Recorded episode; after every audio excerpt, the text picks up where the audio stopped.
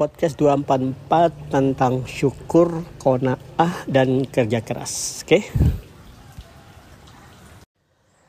Oke, saat saya jadi konsultan FAO di Kementerian Kehutanan, teman-teman kerja saya tentunya banyakkan yang PNS ya, PNS di Kementerian Kehutanan.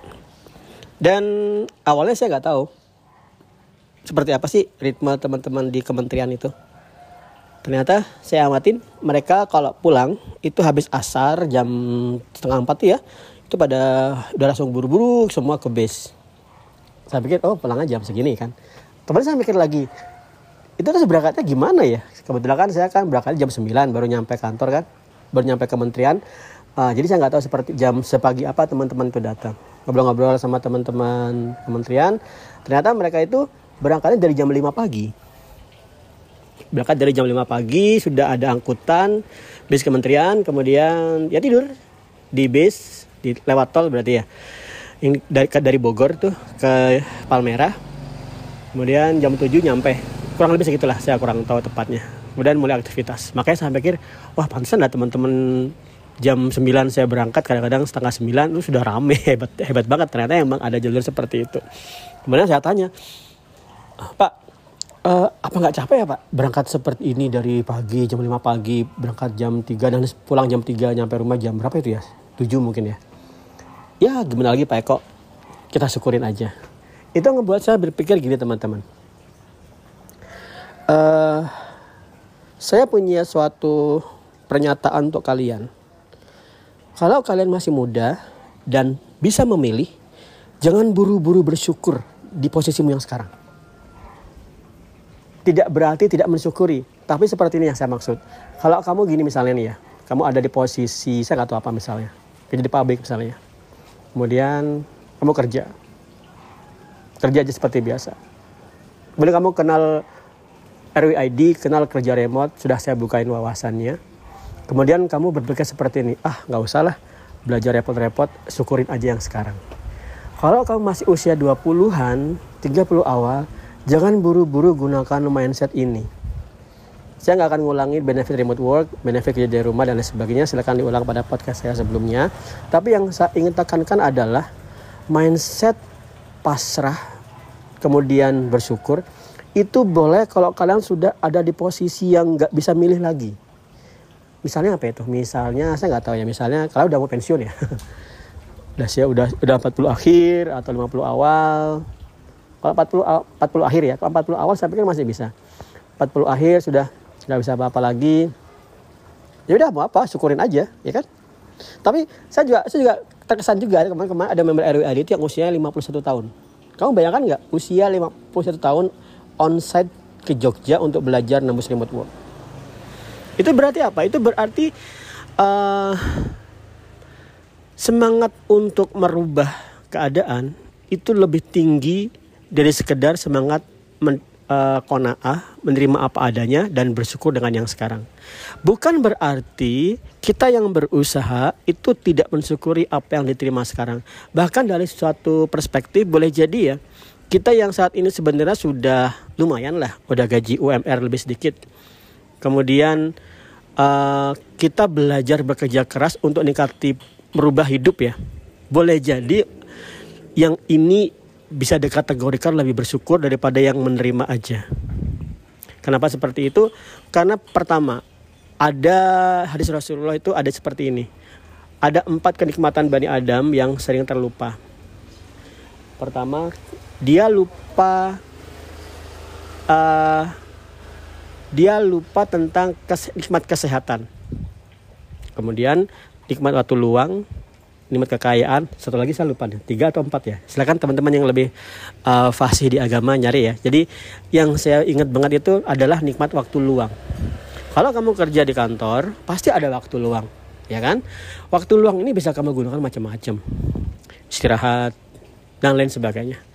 Tapi teman-teman yang berstruggle untuk belajar nikatin skill dan remote work berarti dia menggunakan waktu luangnya untuk cara yang lebih produktif sehingga di masa depan akan punya peluang atau potensi. Ingat, peluang atau potensi bukan jaminan kepastian keberhasilan, ya kan? peluang atau potensi untuk bekerja lebih ringan dengan benefit yang lebih banyak. Terus misalnya kamu berpikir seperti ini, ah nggak usah apa kok saya sudah cukup nih gaji sekian, kemudian ngantor nggak apa-apa. Saya syukuri aja. Itu juga bagus, asalkan kamu benar-benar melakukan itu bukan karena malas. Oke, bukan karena malas.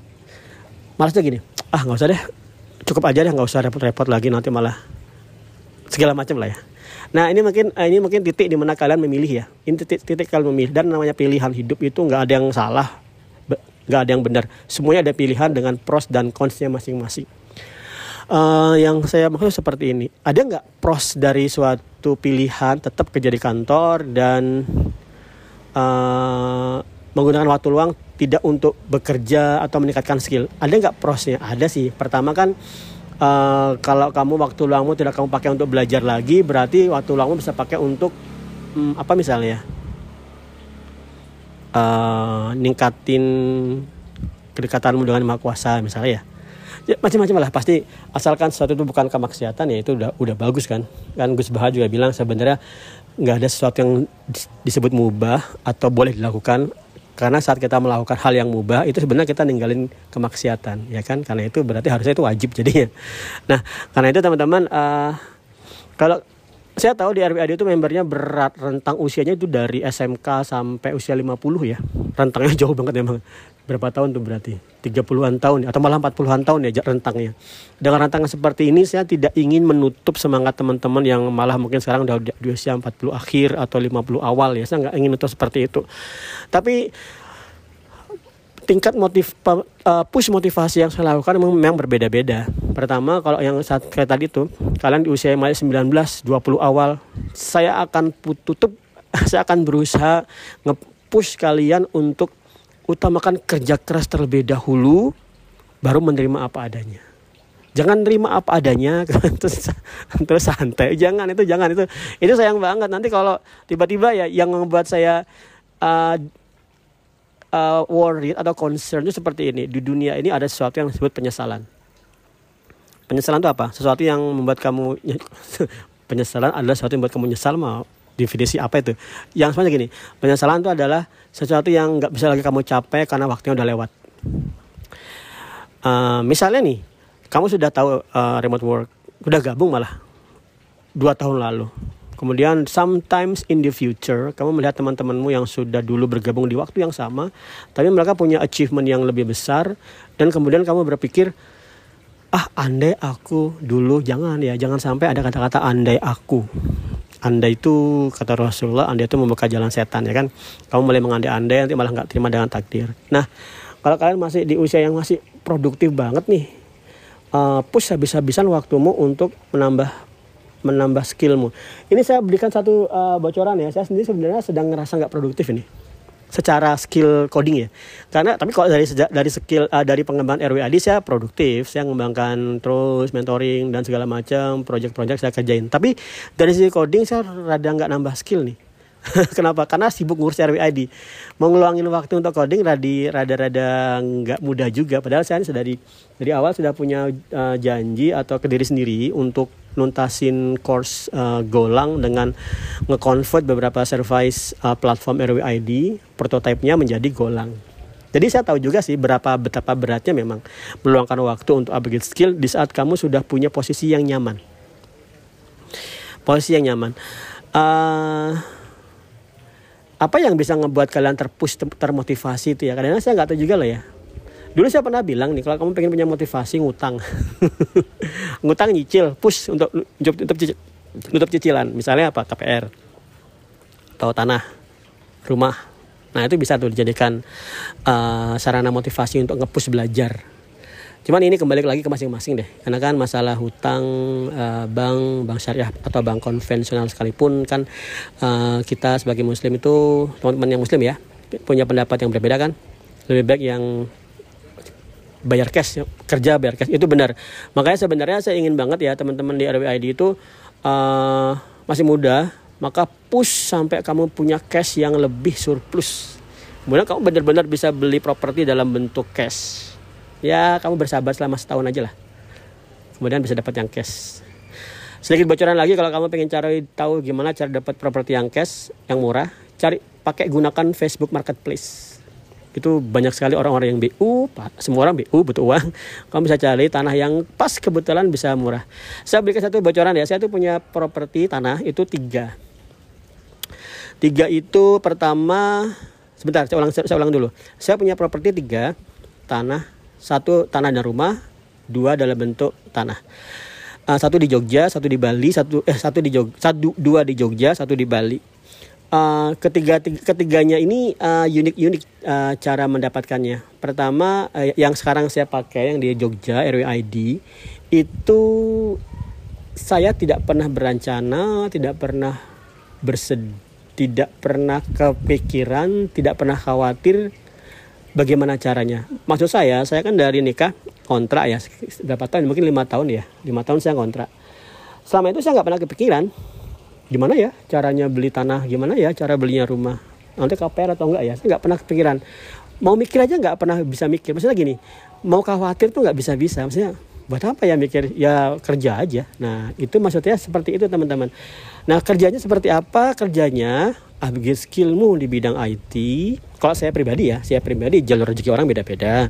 Tapi di jalur saya adalah upgrade skill di bidang IT kemudian kerja remote nah cuman uh, tanah saya yang sekarang ini yang properti utama saya itu bukan dari kerja remote tepatnya sih tapi dari proyek pemerintah.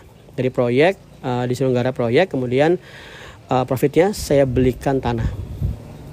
Ingat saya nggak pernah mikir tiba-tiba didatangin untuk nggarap proyek kemudian saya susun uh, proyek dapat saya dalam sehari masuk uang sekitar masuk uang 80 juta lalu saya kirimkan ke Jogja saya bilang ke istri saya coba dah cari ada nggak tanah nilai segini? Ternyata saya cari oh kok pas banget ya dekat sungai dan bagus dan masih aksesnya Jogja tapi daerah Bantul sehingga lebih murah. Itu dulu ya 2013 sekarang sih harganya udah empat kali lipat. Jadi yang sekarang saya beli 80 juta oh lima kali lipat. Sekarang harga udah 400 juta. Udah nggak kebayang kalau mau beli di, di, di bulan di tahun ini. Nah uh, moral of the story teman-teman nah sebenarnya ini ada, ada berat ya. Saya memberikan moral of the story yang seperti apa coba. Um, bisa nggak saya bilang seperti ini? Kamu kerja push remote work uh, simpan uangmu untuk beli tanah. Bisa nggak seperti itu? Bisa aja. Cuman satu lagi kita harus backtrack sebenarnya. Rezeki itu tetap dalam kadar ketentuan yang maha kuasa. Ada satu kisah atau riwayat atau hadis yang saya nggak bisa mengatakan hadisnya dari mana ya. Uh, saya lebih uh, sering mendengar ceramah aja. Yaitu manusia itu ditetapkan di dunia lahir tapi rezekinya itu sudah ditetapkan berapa ribu tahun sebelum dia lahir. Tapi bukan berarti itu dari sudut pandang yang maha kuasa. Tapi dari, dari sudut pandang kita semua itu dari kerja keras kita. Kan kamu nggak layak uh, tidur tiduran mengharap ah tandang aja udah dikasih rezeki tante aja nanti juga rezeki datang. Yang nggak gitu juga kan dari sudut pandang manusia. Tidak adil kalau, kalau seperti itu. Dan memang nggak akan nggak ada kejadian kamu tidur, tidur tiduran nggak ada usaha tiba-tiba masuk dana dari di rekeningmu satu miliar. Kan nggak mungkin tuh Nah, uh, moral of the story adalah pertama, kamu tetap aja deketin yang maha kuasa, yang membuka kunci rezeki. Kemudian, kemudian apa coba? Lakukan hal produktif lah. Ingat uh, Imam Syafi'i, barang siapa yang nggak nggak tahan dengan beratnya belajar, maka dia harus siap menahan perihnya kemiskinan. Oke, jadi dekatin dirimu untuk belajar karena ya itu jalur kamu berbanding lurus kepintaranmu dengan uh, kekayaanmu. Ya kan? Nah itu itu uh, properti properti pertama saya saya beli dengan jalan yang nggak saya sangka-sangka gitu. Bener-bener nggak saya sangka-sangka. Saya nggak pernah mikir tiba-tiba loh loh setelah setelah lunas saya baru mikir loh saya bisa punya tanah ya setelah saya baru mikir setelah lunas. Dan uniknya adalah uang uang uang yang masuk itu 80 juta. Pakai beli tanah dan biaya apa namanya biaya apa namanya itu? Notaris itu ya 80 juta. Jadi begitu uangnya masuk cuman di jarak berapa nggak ada seminggu uang, uangnya uang habis lagi. Dari nol lagi. Tapi jadinya tanah. Nah itu properti saya yang pertama. Kemudian properti saya yang kedua itu itu lebih unik lagi. Jadi saya iseng aja. Oke sebentar sebentar saya ulang. Saya sudah memulai uh, remote work di Indonesia ya tapi dulu namanya Python Enthusiast. Iseng aja nawarin orang-orang siapa yang mau saya bantu nama remote work? Ternyata banyak Kemudian kemudian apa ya? Kemudian udah deh mulai buatin bootcamp. Oh banyak datang. Ya udah datang. Kemudian ada saudara istri teman istri itu anaknya ada yang diarahkan untuk ke Jogja untuk PKL SMK 2 Subang. Mereka ke sini. Sambil mereka belajar itu di antaranya Mas Yovan yang nembus job apa ya smart contract dengan Ethereum Solidity. Solidity. Oke kemudian uh, kemudian uh, kita mulai. Kita mulai uh, eh, PKL ya. Intinya teman-teman sini saya, arahin belajar segala macam. Kebetulan sebenarnya nggak ada kebetulan lah ya. Dilalahnya atau sudah dalam rencana Allah atau kodarullah atau saya saat itu sedang ngebangun platform pendidikan untuk anak-anak coding. Namanya wiskids.id wiskids Indonesia. Itu kemudian saya bangun dan anak-anak ini saya anak-anak SMK ini saya kepikiran wah mereka ke Jogja gimana caranya biar dapat benefit ke Jogja? Kemudian saya ajak ke Jogja Digital Valley punyanya Telkom untuk uh, startup pitching gitulah. Pas saya ke sana saya nggak tahu nih aja saya ke sana loh ada acara apa ini? Loh ternyata ada acara acaranya Facebook Hackathon. Padahal saya ke sana cuma mau ngajakin mereka buka-buka laptop di sana aja. Loh ternyata ada Facebook Hackathon. Hackathon itu lomba dalam waktu tertentu ada hadiahnya saya nyimak aja lah. Loh kok pas ya? Pasnya itu seperti ini. Itu ada lomba untuk memaksimalkan komunitas dengan teknologi Facebook. Kemudian saya pilih uh, messenger chat chatbot. Iseng aja. Ya kita kerjain yuk. Ini sudah jadi. Sebenarnya aku sudah ngerjain nih. Ternyata pas kita pakai aja. Jadi sudah jalan seperti udah jalan lah. Kemudian saya bantu ada adik itu saya arahin untuk belajar. Ada yang belajar Django ada belajar JavaScript segala macam. Dari beberapa dari sekian orang ini kayaknya yang jadi programmer dua orang ya. Satu jadi polisi satu lagi jadi apa lagi? Saya lupa. Nah kemudian ini. Kemudian selesai ya kemudian saya siapin semuanya saya submit. Ya saya nggak inget lah. Udah iseng aja kan nanti tulis tuh. Eh tiba-tiba saya juara satu. Saya tahunya malah dari koordinator di begini masa kok kamu juara satu? Juara apa? Ini. Wah ternyata saya juara satu uh, tingkat Asia Pasifik untuk Facebook Hackathon Community Challenge. Wih saya senang tapi shock juga. Ya saya pikir ya yang saya pikir ya masuk deh tapi ya final atau apalah di level yang finalis atau apa uh, semifinal atau apalah. Tapi masa sampai juara satu juara satu Facebook tingkat Asia Pasifik. Kalian bisa cari tuh kalau mau Kids World uh, Dev Community Challenge. Itu ngebuat saya senang ya itu ngebuat saya senang tapi saya bener-bener shock pertama saya nggak menyangka itu akan menjadi dinilai sebesar itu. Dan itu hadiahnya banyak uangnya serat seribu do, berapa dolar itu ya? Sekian ribu dolar dah saya lupa. Udah terus apa? Terus tuh kemudian di, diperlombakan tingkat selanjutnya tingkat dunia. Tingkat dunia tuh hadiahnya lebih besar lagi kayak 300 jutaan. Terus gimana? Saya nggak mau ngerjain apa? Saya terlalu shock saya terlalu shock saya nggak saya nggak bisa biarin dah servernya mati saya nggak tambahin apa-apa lagi udah saya biarin aja. Aduh saya shock banget kan akhirnya begitu begitu lomba ya nggak menang uang servernya mati. Servernya mati kemudian ya juara tujuh aja kok tingkat dunia saya juara tujuh. Nah itu ngurus ngurus hadiahnya lumayan lama ya masalah pajak di Amerika tuh ribet deh semuanya disuruh membuat segala macam tapi ternyata benar-benar diurus. Kemudian saya lupa lah saya udah lupa lah saya nggak ngecek-ngecek lagi. Kurang lebih dua atau tiga bulan kemudian saya iseng-iseng aja ngecek uh, email saya. Ternyata ada dari PayPal ada angka your price has been arrived sekian ribu dolar. Saya baca berkali-kali ini bener nih. Eh masa sih? Saya buka PayPal ya ampun bener masuk uang segini? Buset banyak banget bang ya bisa transfer saya ambil kan. Nah saya ambil ini ini menariknya gini. Saya ambil begitu saya ambil saya punya nazar sebenarnya. Nazar saya seperti ini. Uh, saya beli tanah itu sebenarnya saya nggak mau punya possession ya. Saya nggak mau punya kepemilikan yang besar besar saya nggak nggak pengen punya sih. Saya pengen kasih ke orang lain aja kerabat maksudnya ya. Misalnya misalnya tanah tanah ini itu saya kasih atas nama istri. Yang kedua saya mikir gini yang kedua ini harus untuk orang tua. Oke okay. um, ada sedikit cerita yang masa lalu yang rada uh, sentimental ya. Yaitu saat saya kuliah itu kan ada masa-masa di mana SPP saya itu bagi orang tua saya berat ya kan? Kemudian orang tua itu sebenarnya sudah punya tanah dan rumah di BTN di daerah Bali Utara.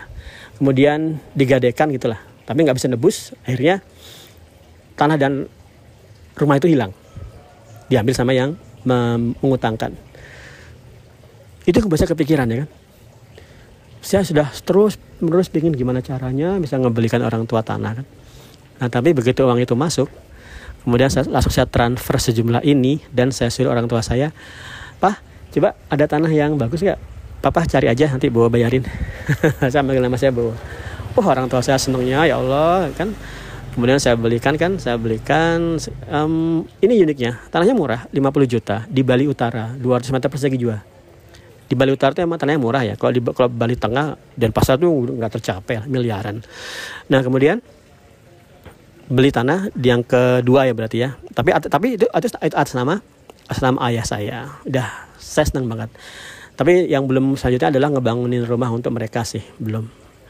Rumah saya di Bali itu masih orang tua masih di Denpasar masih kontrak karena di Bali itu kalau mau kalau yang make sense itu ya buat tanah atau rumah itu di beli buat tanah itu di Bali Utara sih pinggir-pinggiran. Kalau tengah tuh udah hanya orang-orang yang super aja yang bisa beli.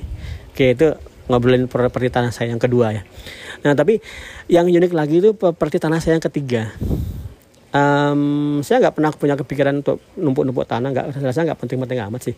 Cuman kemudian gini, saya pengen punya motor cowok itu kan, yang motor cowok yang baru, motor fiction saya dipakai ada istri Kemudian saya pingin punya motor baru, motor baru yang saya pingin itu model Harley gitu lah. Tapi kan Harley itu nggak kebayang lah ya ratusan juta, kayak mahal banget deh. Kemudian zaman itu zaman itu kan ada Benelli, Benelli itu Patagonia Eagle PE itu dua berapa cc ya 200 cc kalau nggak salah. Kemudian saya cek-cek harganya 40 juta. Baca review sana sini um, banyak ya ada pros dan cons lah. Kemudian tapi saya pengen banget nih. Kemudian saya nyiapin deh uang sejumlah itu 40 juta saya siapin hari itu saya sudah pengen beli itu udah udah saya bolak balik ke dealer ngeliat tapi dealernya juga nggak meyakinkan cuman kontrakan biasa bukan bukan dealer besar lah saat saya udah siap siap pengen beli uang udah siap saya mikir-mikir kok, kok rasanya eman juga ya sepeda motor 40 juta? Meskipun akhirnya sekarang saya tahu namanya sepeda biasa juga ada yang 50-an juta malah lebih. Tapi saya mikir-mikir motor 40 juta kok sayang banget ya? Iseng aja nanya ke istri eh Mi coba dong lihat di Facebook Marketplace ada nggak sih tanah yang harganya 40 juta? Cek cek eh Bi ini kok ada ya tanah 40 juta? Di mana? Dekat situ desa saya. Satu desa. Eh satu desa saya ya satu desa hitungannya cuman sekiloan. Sat, saya bisa saya bisa sana jalan. Berapa tanahnya? Harganya 40 juta tanah sawah tapi nggak nempel jalan. Ya, mungkin karena itu dia murah ya karena nggak nempel jalan kalau perlu itu dijadikan rumah harus nego-nego sama tanah di depan. Saya pikir ya udah dah pakai aja nih uang ini daripada dibeliin daripada dibeliin Benelli pasti def, pasti depres uh, pasti ada depresiasi ya udah beli tanah aja nggak mungkin depresiasi kan. Kecuali ada bencana alam dan perang tapi kalau itu nggak terjadi tanah itu akan naik terus harganya. Udah akhirnya beli. Nah sebenarnya yang ini, ini saya mau pakai atas nama anak saya. Cuman uh, prosesnya biar cepat atas nama saya dulu nanti balik atas nama anak saya. Kenapa seperti itu? Saya ingin saya ingin kita itu oh gini ada hadis ya ada hadis. Orang yang mau mati kemudian dia saat itu bagi-bagi warisan itu sudah gak ada nilainya. Udah udah mau mati. Udah mau mati baru bagi-bagi harta. Itu nggak ada artinya. Oh, udah mau mati. Ngapain kamu bagi-bagi harta udah mau mati? Yang yang menarik adalah kalau kamu bagi-bagi harta saat kamu usia produktif kerja langsung bagi-bagi harta. Nah itu. Nah itu yang ingin saya capai. Nah ini nanti atas nama anak saya atur biar apa biar tanah itu atas nama enggak atas nama saya semua. Itu itu itu itu nggak mudah loh ya perasaan perasaan manusia itu punya perasaan serakah. Punya perasaan serakah dan perasaan serakah manusia itu nggak bisa di uh, bukan nggak bisa bisa lah. Kemudian saya bisa. Nggak sulit untuk dikendalikan kalau kita punya keinginan menimbun-nimbun harta. Nah oke. Okay. nah cukup ya. Kok jadi ngomongin masalah itu ya? Semua lupa tadi awal masalah syukur ya. Nah, jadi mungkin sih ya, mungkin ya, kan Allah bilang tuh, lang syakaratum la ajidanakum wala in kafartum inna azabi lasadid. Bersyukurlah kepadaku, maka aku akan tambah nikmatmu. Ingkari ingkar kepadaku, maka aku maka azabku amat pedih. Banyak sih orang yang bilang orang-orang yang uh, ateis atau yang agnotis bilang ini, itu ngapain tuh Tuhan untuk uh, nyuruh kita bersyukur tapi ngancem nyiksa. Itu sebenarnya untuk uh, penilaian saya, itu sebenarnya untuk memper untuk memberikan manusia pilihan yang harusnya nggak bisa memilih lagi. Pilihan gini, kamu kalau bersyukur nikmatmu akan bertambah-tambah. Tapi kamu kalau nggak bersyukur aku siksa. Mungkin nggak kamu nggak bersyukur dibanding nikmat? Nggak mungkin ya kan? Kamu diberi apa ya? Diberi apa ya? motor, di, oh, sorry, kamu diberi kesehatan, mungkin nggak kamu nggak bersyukur? Nggak mungkin kan? Pasti kamu bersyukur banget. Pasti nikmatmu bertambah-tambah, ya kan? Nah kemudian kamu punya, nah kalau nikmat seperti itu mungkin banyak orang lupa ya. Uh, sehat masih ngeluh aku uangku cuma segini gajiku cuma segini padahal kamu itu sehat. Mau matamu diambil diganti satu miliar? Nggak ada orang yang mau. Itu ada ya? Saya nggak tahu lah. Saya saya, saya nggak mau. Atau mau gaji ginjalmu diambil satu diganti iPhone 14 tapi ada cerita seperti itu ya. Tapi saya sendiri nggak mau. Nah maybe ya maybe yang saya dapatkan itu karena saya seneng saya suka bersyukur. Dan nggak mungkin seperti yang nggak bersyukur uh, saya mohon maaf kalau apa yang saya sampaikan ini seperti apa ya kok uh, memuji diri sendiri atau sombong atau gimana. Tapi ini mungkin juga di antaranya uh, surat uh, duha duha itu adalah atas nikmat yang kamu dapatkan maka uh, kabarkanlah. Mana ya duha wa duha. Wa duha wal laili idza wa da'aka rabbaka wa makal wal akhiratu khairul laka minal ula wala sawfa yu'tika rabbuka fatardo alam yajidaka yatiman fa'awa ووجدك ضالا فهدى ووجدك إلى فأغنى فأما اليتيم فلا تقهر وأما السائل فلا تنهر وأما بنعمة ربك فhadis saya bukan hafiz jadi harus baca dari awal wa amma binikmati rabbika fadis dan atas nikmat Tuhanmu maka ceritakanlah uh, jadi ya jadi saya ceritakan jadi saya ceritakan kalian ya di podcast ini setengah jam saya ceritakan ke kalian bagaimana tiga properti itu saya dapatkan tanpa saya ngoyo ya kan coba pertama saya ngoyo nggak tuh enggak oh sebentar kalau konteksnya nggak kerja keras salah ya. Saya tetap saya kerja keras banget dong. Saya ke Jakarta ke Kementerian Kehutanan kan kerja keras banget. Kenapa saya biasa seperti itu? Karena saya belajar. Dari SMP saya belajar coding. Tetap dong kan Imam Syafi'i itu kata-kata tepat. Kalau kamu mau kalau kamu mau kaya ya belajar supaya pinter. Itu hukum alam hukum Allah itu jadi jangan cuma sekadar oh Pak Eko banyak bersyukur. Ya enggak juga. Iya iya tapi ya kerja kerasnya tetap harus di, harus diperhatikan ya kan? Misal gini aku sudah sholat, aku banyak bersyukur, tapi kok aku nggak nembus nembus bokeh? Kamu belajar nggak? Nggak. Iya ya salah dong, ya kan? Belajar tetap ada, tetap wajib. Nah jadi uh, belajar, upgrade skill, banyak bersyukur. Ciri banyak bersyukur tuh jelas, alhamdulillah. Tapi ciri banyak bersyukur tuh gunain waktumu untuk hal yang produktif, ya kan? Gunakan waktumu untuk hal produktif, kemudian pasti yang ngelihat itu seneng yang maha kuasa malaikat yang ngelihat kamu tuh pasti seneng banget Nah ini hamba aku bersyukur dengan karunia aku berikan, aku buat dia lebih bersyukur lagi. Kamu dapat karunia lebih bersyukur lagi, akhirnya imannya bertambah-tambah, ya kan? Itu coba ingat tuh. Properti yang pertama tuh tiba-tiba aja, banget tiba-tiba ya maksudnya saya dipaksa aja, nggak ada proyek pemerintah, udah saya garap. Kemudian yang kedua apa? Menang lomba Facebook yang saya apa coba? Yang saya nggak ngoyo, semuanya tiba-tiba aja seakan-akan dipaksa saya nerima itu. Uang misalnya tadi saya beritahukan saya ke JDV bukan karena ngejar pingin dapat lomba, malah saya nggak tahu ada lomba.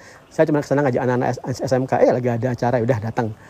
Dua. Yang ketiga, nah kalau yang ketiga ini ada unik ya. Oh yang ketiga gini, tanah 40 juta itu amat sangat murahnya. Meskipun itu tanah sawah, di tahun 2000 berapa itu ya? 2018 atau 2019 kalau salah. Itu tanah di sini sudah jutaan per meternya maka tanah saya itu nilainya itu per meternya itu seluasnya sama. Sini, luas tanah yang 40 juta itu sama dengan tanah saya yang 80 juta 5 tahun yang lalu. Dua kali lebih murah, harganya nilainya setengahnya, jumlahnya sama, padahal waktunya tuh sudah lewat lima tahun. Harusnya itu mahal banget. Kok bisa murah saya nggak tahu juga. Kok bisa pas di angka itu saya juga nggak tahu. Uang saya benar-benar cuma 40 juta loh. Nah maka begitu dapat tanah itu, wah pas banget ya. nah itu alhamdulillah. Oh ya satu lagi, saya agak lupa nih. Kalau tanah yang kedua itu kalau nggak salah saya dari pinjaman Bank Meta Harmoni Jogja. Meta Harmoni itu bank BPR, Bank Perkreditan Rakyat. Jadi uh, ya, ya nih kenapa saya saya jadikan kenapa saya nyeritain seperti ini. Saya kan memberikan kalian semangat ya kan. Semangatmu apa sih supaya mau belajar kerja keras bisa kamu meminjam bank untuk suatu kebutuhan alat produktif komputer fine untuk belajar kan, untuk kerja kan, atau tanah untuk ya propertimu masa depan rumahmu di sini. Nah ini benar-benar bisa jadi kuncimu. Contoh saat itu saat itu saya di bank BPRI BPR Syariah Meta Harmoni ini saya punya pinjaman berapa saya agak lupa kemudian saya udah plan untuk nyiapin uang untuk beli Harmoni itu lewat ah lewat mana itu kemarin dia kayaknya lewat, lewat, lewat Harmoni itu sendiri kemudian saya top up pinjaman saya bilang nih saya mau beli tanah nih uh, butuhnya berapa Pak Eko 4 juta. Oh ya gampang. Nah udah. Jadi itu teman-teman. Saya baru ingat lagi tuh. Nah jadi uh, tanah saya yang ketiga ini lewat suatu kalau de dengan mitra harmoni itu saya pakai mudorobah namanya. Mudorobah itu adalah uh, saya diberi pinjaman uang dan kemudian bank menetapkan margin. Sebenarnya gini sih kalau dalam konteks bank syariah itu ya uh, sama aja dari segi hasilnya dari segi jumlahnya sama aja misalnya gini kamu minyak 10 juta dalam waktu sekian tahun maka pasti ada biaya tambahan yang di konvensional disebut bunga, kalau di bank syariah disebut margin. Bedanya apa? Beda pertama akad. Kemudian yang kedua, uh, bank syariah itu tetap aja semua bank lah ya, tetap dengan ada pinjaminan, ya kan? Tetap ada jaminan. Kamu nggak boleh berpikir seperti ini. Ini kok bank syariah sama aja pinjam 10 juta dalam 2 tahun kembalinya 10 juta plus sekian. Kok ada bunganya? Emang duit mbahmu Kenapa? Karena pertama itu nilai uang itu merosot inflasi ya kan kamu wajib menghitung pengembaliannya kemudian kalau seperti ini bank itu untungnya dari mana nggak ada kan nah ah ini eh, tentang ini ini panjang ya tapi makanya saya sampai kuliah ekonomi S2 itu untuk berusaha mengembangkan sistem ekonomi yang baru kenapa harus baru karena kalau nggak pakai seperti itu akan tetap berkutat kepada hal yang mirip-mirip bunga cuman nama dan akadnya beda kalau kita bisa mengembangkan sesuatu yang baru nah baru semua itu akan hilang bisa nggak bunga itu di, dihilangkan? Bisa. Masa apa ya kok? Bisa banget. Saya berikan konsepnya ya. Pertama itu adalah manusia. Wah ini panjang banget ini. Manusia itu pertama diciptakan ke di bumi bukan untuk kerja, ngumpulin uang dan bertahan hidup. Enggak. Untuk memakmurkan bumi. Memakmurkan bumi maksudnya apa? Ada masalah pecahkan. Khalifah seperti itu. Ada masalah pecahkan. Nah kemudian, nah ini yang yang agak rumit. Cara memecahkan masalah itu gimana? Di dunia yang modern, kalau kamu punya masalah, kamu punya solusi, kamu pasti ngebangun pemodalannya dulu. Karena kamu miskin nih, kamu miskin, mahasiswa baru baru jebrol, bisa bisa punya solusi tapi nggak punya modal. Kamu ngebuat apa? Pitch deck kan. Kamu ngebuat pitch deck, kemudian kamu presentasikan ke venture capital. Venture capital kasih modal, kemudian apa coba? Kemudian dia mau masuk ke pasar saham, unicorn. Ini jelek. Unicorn ini, eh, sorry, pasar saham ini saya nilai haram. Sorry, wah mengatakan haram itu enggak saya rasa saya enggak layak menyatakan haram ya tapi setidaknya gini saya pernah kemarin saya ngobrol sama profesor uh, profesor UI saya nanya prof pasar sekunder haram atau halal beliau nggak jawab tapi bilang lagi di situ ada unsur spekulasi nggak? Ada haram. Itu nah pasar kamu sekarang nanam saham. Kenapa kamu menanam saham? Nanti nanti harga naik pak Eko. Itu spekulasi nggak? Ya sebenarnya ada yang bilang ya kalau analisa fundamentalnya bagus ya berarti kamu nggak asal-asalan. Tapi tetap aja resiko terbesar itu di tangan diambil oleh orang yang membeli terakhir. Kamu beli saham 10 juta kamu tunggu sampai harga 16 juta kenapa bisa harga 16 juta karena banyak orang yang mau membeli di harga yang di atas kemudian kamu jual di harga 15 16 juta Oke, kemudian siapa yang membeli? Yang membeli adalah orang di angka 16 juta. Gimana kalau tiba perusahaannya bangkrut? Iya, uang, uang, uang itu hilang, uang nggak ada nilainya nggak ada basicnya, ya kan? Nah, yang mau saya bangun seperti ini. Tadi saya bilang, uh, pertama manusia itu khalifah, kemudian dia ngebangun solusi, kemudian solusi itu dia membangun pemodalan. Pemodalan ini yang sedang saya susun caranya. Caranya adalah pemodalan ini disetarakan dengan emas terlebih dahulu. Berapapun itu. Dan founder harus menentukan nilai awal usahanya, bebas. Nilai awal ini nggak boleh persis sama dengan nilai emas yang terkumpul. Nanti repot. Contoh seperti ini, nilai emasnya yang terkumpul cuma 10 gram. Ini kurang, tapi kamu harus jalan. Udah jalan dulu, tapi berarti nilai usahamu itu bukan 10 juta. Nanti kamu nggak bisa menambah pemodalan baru kan. Kamu kasih nilai angka yang make sense aja. Yang jelas nggak satu triliun ya, nggak satu triliun ya kan?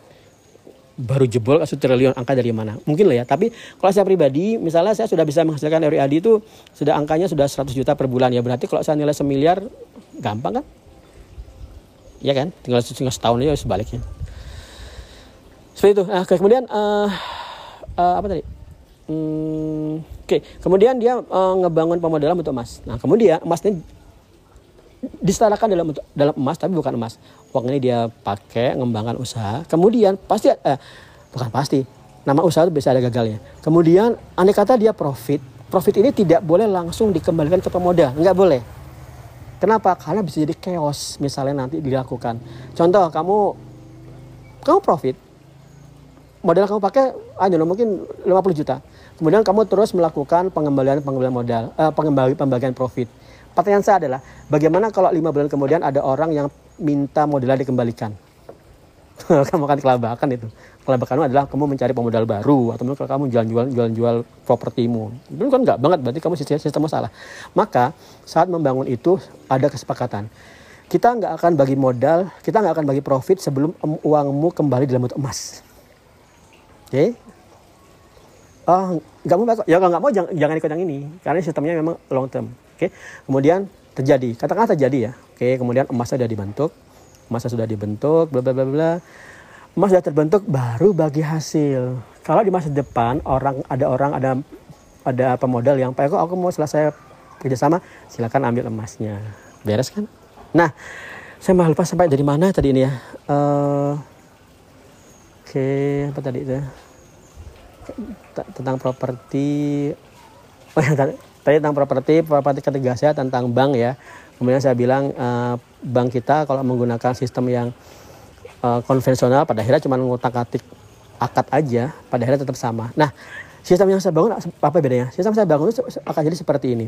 Bayangkan perusahaan sudah terbentuk, sudah profit, emas sudah terbentuk. Nah, gimana kalau ada pemodal yang butuh uang banyak. Paling gampang dia emasnya dia, kalau dia punya emas cuma 10 gram. Dia bisa menggadekan kepemilikan emasnya ke perusahaan atau ke pemodal yang lain. Pemodal lebih, lebih dari satu ya. Misalnya gini, aku punya emas di RWID 10 gram, 10 juta. 9 10 juta. Kemudian aku butuh uang 5 juta. Dan kalau dan di RWID itu aku bisa ngebuka opsi, hai aku pengen gadekan emasku 5 juta. Siapa yang bisa menghandle? Pertama perusahaan bisa menghandle atau mungkin pemodal yang lain atau pemodal yang baru. Nah gini menariknya. Apa akibatnya? Akibatnya, andai kata ada pemodal lain yang, oke okay, aku punya uang 5 juta mas. Aku ambil emasmu. Sorry, emasnya tetap di brankas RWID ya. Masih di brankas. Default masih ada di sana. Kemudian, uh, emas ini uh, menjadi tanda kepemilikan bagi hasil, ya kan? Katakanlah 5, 10 gram itu satu persen katakanlah. Jadi satu miliar 10 gram anggapnya 10 juta. Maka saat uangnya sudah diterima oleh orang yang menggadekan, emas yang ada di berkas RWID secara kepemilikan menjadi milik orang yang menggadekan. Kalau dia menggadekan, kalau dia menjadi pemilikan, akibatnya apa? bukan berarti dia bisa jual nggak bisa ini kan masih diberangkas di, di, di, diamankan di sana karena udah menjadi milik dia maka dia dia mendapat benefit dari kepemilikan itu apa benefitnya bagi hasil jadi bagi hasil yang kadar 5 10 gram yang milik orang yang menggadaikan itu selama belum ditebus oleh yang punya maka dia orang yang menggadek, membayar kegadeannya itu mendapat bagi hasilnya ada bunga nggak? Nggak ada. Itu bunga nggak? Bukan. Itu kan itu kan bagi hasil. Maka yang penting lagi orang yang nanti katakanlah sudah Pak Eko, eh uangku sudah siap nih, aku bisa aku bisa nebus emasku karena aku pengen dapat bagi hasil dan menjadi bagian dari RWAD, maka kemudian dia melunasi emasnya. Emas ini menjadi kepemilikan dia, maka dia mulai mendapat bagi hasil dari tanda kepemilikan berupa emas tadi. Orang yang tadi membayar gadiannya sudah mendapat untung dari uh, bagi hasil emasnya dan dia uang dan uang dia kembali senilai emas. Nah, saya menggunakan nilai emas agar apa? Pertama di Al Imran ayat 14 itu adalah Zujina hubus hawati minan nisa eh diciptakan indah di pandangan manusia terhadap di antaranya itu adalah uh, perhiasan yang berupa emas dan perak yang bertumpuk-tumpuk. Saat ini orang nge-push Bitcoin sebagai hal yang berharga. Bisa nggak dijamin itu akan berharga? Nggak, nggak ada jaminan. Yang yang pasti akan berharga apa? Emas, perak, tanah ladang, kemudian hewan ternak. Coba aja. nggak akan hal-hal yang sebutkan itu berkurang nilainya. Naik turun iya, karena itu adalah trading ya. Trading itu naik turun. Gak seru lah trading itu nggak nyenengin banget. Numpuk untuk menjual di tinggi itu adalah hal yang nggak boleh di Islam sebenarnya. Tapi dengan sistem liberal yang terjadi kapitalisme yang terjadi sekarang itu dibolehkan. Makanya bank uh, apa namanya bank syariah dengan sistem yang sekarang dia nggak akan bisa melakukan apa-apa kecuali mundar mandir aja dengan dengan istilah yang berbeda hanya saja uh, akhirnya sama aja. Cuman ini ini ini nggak mudah. Saya nggak saya nggak akan mengatakan uh, pinjaman di bank syariah itu haram ya. Karena yang saya rasakan ya teman-teman ya, yang saya rasakan saya minjem di bank syariah, anda kata saya telat, itu cuman ditanya lah kan kredit macet itu bahaya ya, bisa kelimpungan banknya. Maka ditanya aja masalahnya apa. Kemudian denda nggak ada denda. 20 ribu per bulan. Terus saat saya bayar denda, Pak Eko ini dendanya mau saya kita gunakan untuk disedekahkan ya. Setuju Pak Eko ya setuju. Bagus itu. Enak ada akarnya jelas. Ada dibuat semuanya. Nah, uh, tapi tetap loh ya, misalnya kamu nggak bisa ngebayar di bank syariah, maka asetmu itu dijual jaminannya. Kadang-kadang kamu minjem sekian juta pakai mobil. Kemudian kalau kamu nggak bisa bayar sesuatu, maka mobilmu dijual nanti uh, sisa pengembaliannya akan dibagi dua dari nutup kekuranganmu dan kebagian dirimu sendiri. Adil nggak? Itu nggak itu nggak menyenangkan, tapi menurut saya adil. Setidak-tidaknya kamu udah sepakat di awal. Terus gimana caranya supaya ini nggak terjadi? Nah caranya nih ya, yang saya pikirkan tadi itu loh, mau pinjaman itu harus dibangun di atas perusahaan yang profitable RWAD punya profit sekian terus, berarti dia bisa mengembangkan usahanya terus. Maka kalau kamu kepemilikan dan emasmu ada di RWAD sebagai bukti kepemilikan, maka selama RWAD tetap berjaya, maka kamu akan bisa punya sistem di mana uh, emasmu bisa menjadi jaminan kamu minjam. Pak, kok itu kan cuma perusahaan. Nih, pemikirannya seperti ini. Kalau ini dikembangkan di skala negara, itu kan menarik banget. Katakanlah negara punya tumpukan emas berapa triliun gitu ya, berapa kubik gitu kan Kemudian emas ini nggak boleh loh ya disebar-sebar. Ini teman-teman, hal yang menarik dari sistem ekonomi seperti ini. Sebenarnya memang benar membuat orang kaya itu tinggal kasih aja uang. Semua orang kasih uang. Tapi ini bahaya. Bisa berantakan ekonominya. Dulu pernah ada Musa siapa ya? Raja dari Senegal Afrika, dia naik haji, di sepanjang perjalanan dia bagi-bagi emas. Akibatnya apa? Akibatnya berantakan ekonominya. Kenapa? Karena kalau sesuatu itu diberikan begitu aja tanpa usaha, tanpa effort, tanpa kerja keras, itu akan nge ngebangun merusak sistem ekonomi. Contoh misalnya gini, Indonesia karena kadang kan banyak orang mikir, kenapa sih negara nggak nyata uang bagi-bagi aja? Karena uang yang dibagi itu tidak setara dengan output produksi barang dan jasanya. Sebenarnya gini, misalnya barang dan jasa Indonesia sebenarnya cuma satu triliun. Kemudian wah supaya semua orang kaya kita catat aja lagi 2 triliun semua orang kasih triliun bagi rata. Nggak bisa. Nanti malah yang terjadi adalah harga barang-barang itu naik dua kali lipat uangmu jadi malah lebih lebih berkurang lagi ya kan? Nah makanya seperti ini. Emas yang dimiliki negara itu tidak boleh langsung disebar begitu aja nanti berantakan. Nah, yang di yang dilakukan adalah emas itu dijadikan modal yang dikelola oleh know, mungkin Menteri Kemenkeu atau OJK atau mana di, dijadikan modal. Dan uh, dilelangkan atau dikompetisikan siapa inventor yang punya ide bagus? Sini. Kita kasih modal emas. Nggak usah. Tentu ada audit audit ya supaya nggak dipakai untuk foya-foya. Kemudian dipantau ketat. Nah kamu nggak perlu melakukan apa-apa. Ini emasmu langsung cairkan jadi bentuk uang dan kemudian kamu bertahap mengembalikannya ke negara dalam bentuk emas. Nggak perlu bunga. Kenapa nggak perlu bunga? Ya negara masa mengambil profit dari rakyatnya Kenapa kenapa ini terjadi? Nah, sebenarnya yang, yang terjadi seperti ini. Katakanlah uang satu kilogram satu miliar yang dikasih ke um, ke inventor itu, maka emas emas ini kan menjadi uang. Uang ini menjadi apa? Menjadi barang dan jasa. Barang dan jasa dihasilkan karena apa? Karena membangun sistem produksi. Sistem produksi barang dan jasa entah itu pabrik, entah itu mentoring apa pun. Kemudian ini berarti apa? Ini berarti mengubah uh, masyarakat kan? Output ekonomi bertambah. Jadi pasar realnya berkembang. Pasar real itu barang dan jasa dalam konteks yang saya bangun itu saya tidak ada sistem moneter tuh nggak ada. Pasar moneter tuh nggak ada. Kalau pasar moneter ada kalau pasar moneter ada antara perusahaan-perusahaan ini bangun masukin ke saham IPO ah, gak banget itu. Apa pun yang kalian sebutkan pas IPO pasar saham itu adalah riba. Riba itu bukan berarti gini ya. Riba itu bukan sekadar aku minjem 10 juta, besok harus balik berkali-kali lipat, dendanya dan sebagainya. Riba itu adalah apa pun turunan dari pasar real. Kamu masuk uang, kamu masuk uang yang harus bertambah tanpa ada keharus, keharusan gagal itu nggak boleh. Karena kan di uh, Al-Baqarah 276 Allah menghalalkan jual beli dan mengharamkan riba. Cuma ada dua jenis transaksi itu di dunia ini. Transaksi barang dan jasa real. Yang kedua, pelipatan modal cuman karena apa coba? Uh, maisir, horor, riba, satu lagi apa ya? Empat hal lah. Jadi judi, uh, spekulasi, apa lagi horor ya? Tidak pasti sama satu lagi sama riba. Jadi kalau kalau kamu mau jual beli ribanya di mana nggak ada. Real. Kamu kerja keras ngebangun sistem itu kerja keras. Orang sepakat membeli hasil barang dan jasamu dengan suatu uang.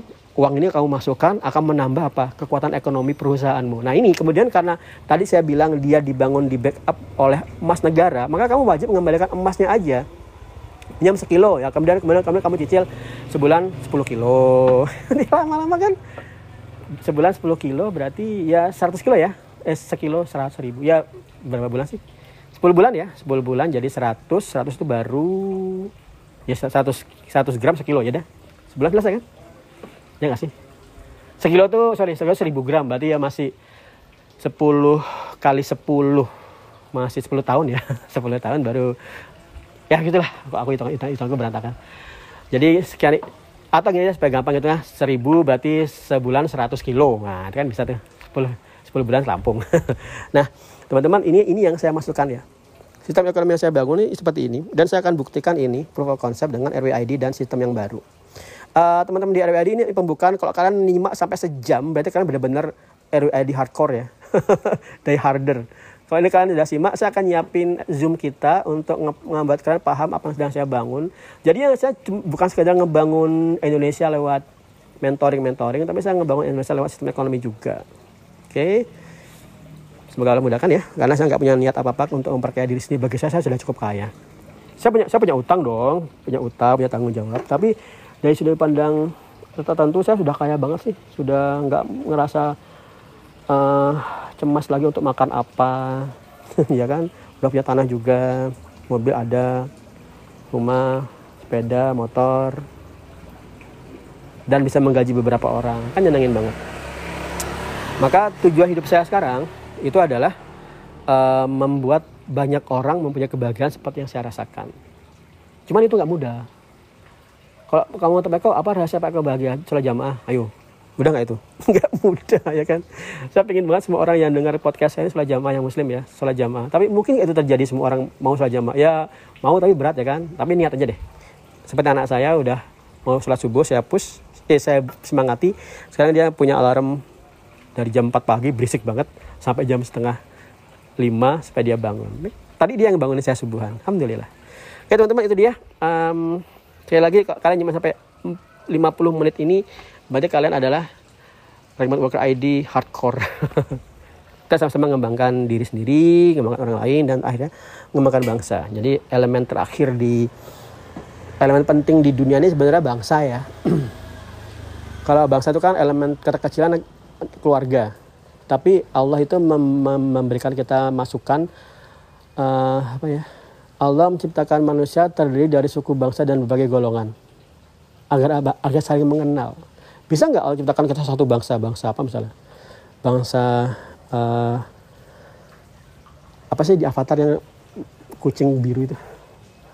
Bangsa itulah bangsa.